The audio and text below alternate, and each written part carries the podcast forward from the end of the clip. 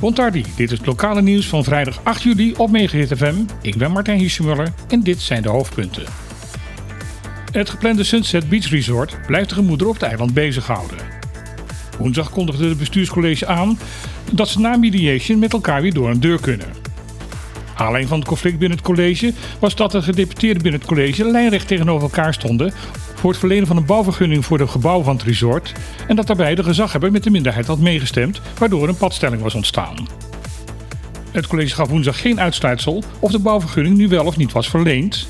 Volgens de gezaghebber volgde er een rapportage waar nu nog een paar punten op de i voor moeten worden gezet.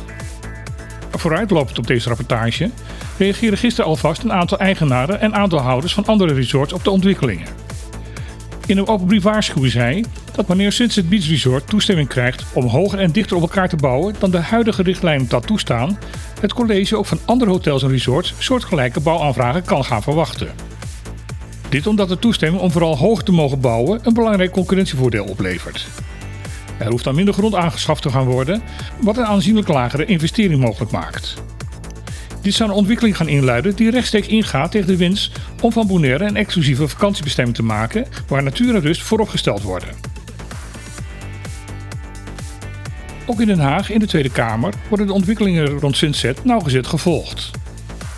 Gisteren konden we melden dat er een motie in de Tweede Kamer is aangenomen die, zonder dat het met name genoemd wordt, een duidelijke reactie is op de ontwikkeling rondom Sunset Beach Resort. In de motie wordt opgeroepen dat de regering in Den Haag controleert dat de gezaghebbers in Caribisch Nederland zich daadwerkelijk neutraal opstellen als het gaat om beslissingen van het bestuurscollege over vergunningverleningen en het wijzigen van bestemmingsplannen. Deze motie is aangenomen door alle partijen in de Tweede Kamer behalve de PVV. Veel politici zien deze motie een directe tik op de vingers van gezaghebber Reina, wiens neutraliteit de laatste tijd van verschillende kanten wordt betwijfeld. Anderen gaan zelfs verder en zien de motie, die was ingediend door Van Raam van de Partij van de Dieren en Wuiten van D66, als een verkapte motie van wantrouwen tegen gezaghebber van Bonaire. Reiner zelf reageert vandaag in een artikel op het Antiaans Dagblad dat hij de motie bijzonder vindt omdat deze uitsluitend over de gezaghebbers gaat en daarmee de burgemeesters in Europees Nederland buiten beschouwing laat. Daarnaast zegt hij dat hij nog steeds van overtuigd is dat hij altijd vanuit een neutrale positie heeft gehandeld.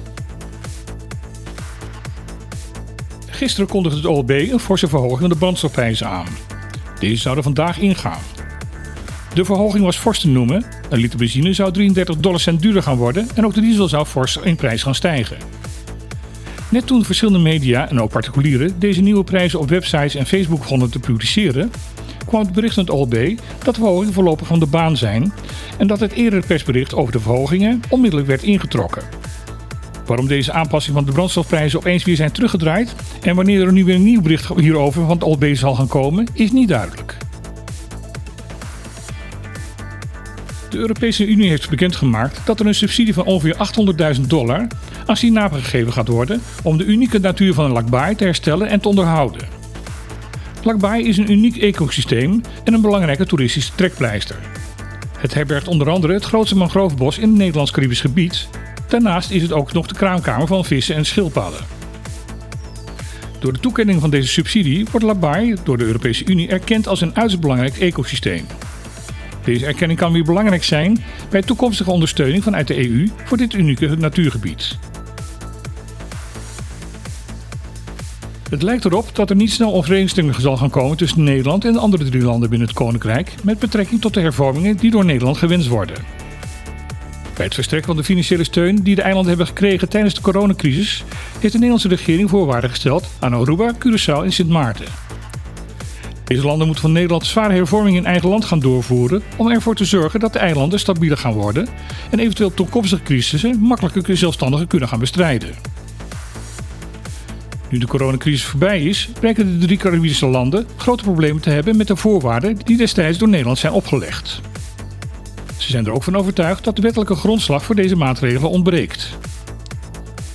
Om deze impasse te doorbreken heeft de Tweede Kamer ingestemd in een motie die was ingediend door Jorien Wuiten van D66. In de motie wordt de regering opgeroepen om volgend jaar een koninkrijksconferentie te gaan organiseren. Tijdens de conferentie zouden onderwerpen als het statuut, mensenrechten, klimaatveranderingen, economische versterking en meer samenwerking te sprake moeten komen. De motie is met ruime meerderheid in de Tweede Kamer aangenomen. Dit was het laatste nieuwsbulletin van deze week. Morgen van 12 tot 2 is er weer op de klippen. Gast is dan onder andere oppositieleider Clark Abraham. We zullen het dan ongetwijfeld hebben over de dienstreis die veel politici op het eiland naar Nederland hebben gemaakt. En de gisteren aangenomen motie in Den Haag. Voor nu wens ik u een prettig weekend en graag tot maandag.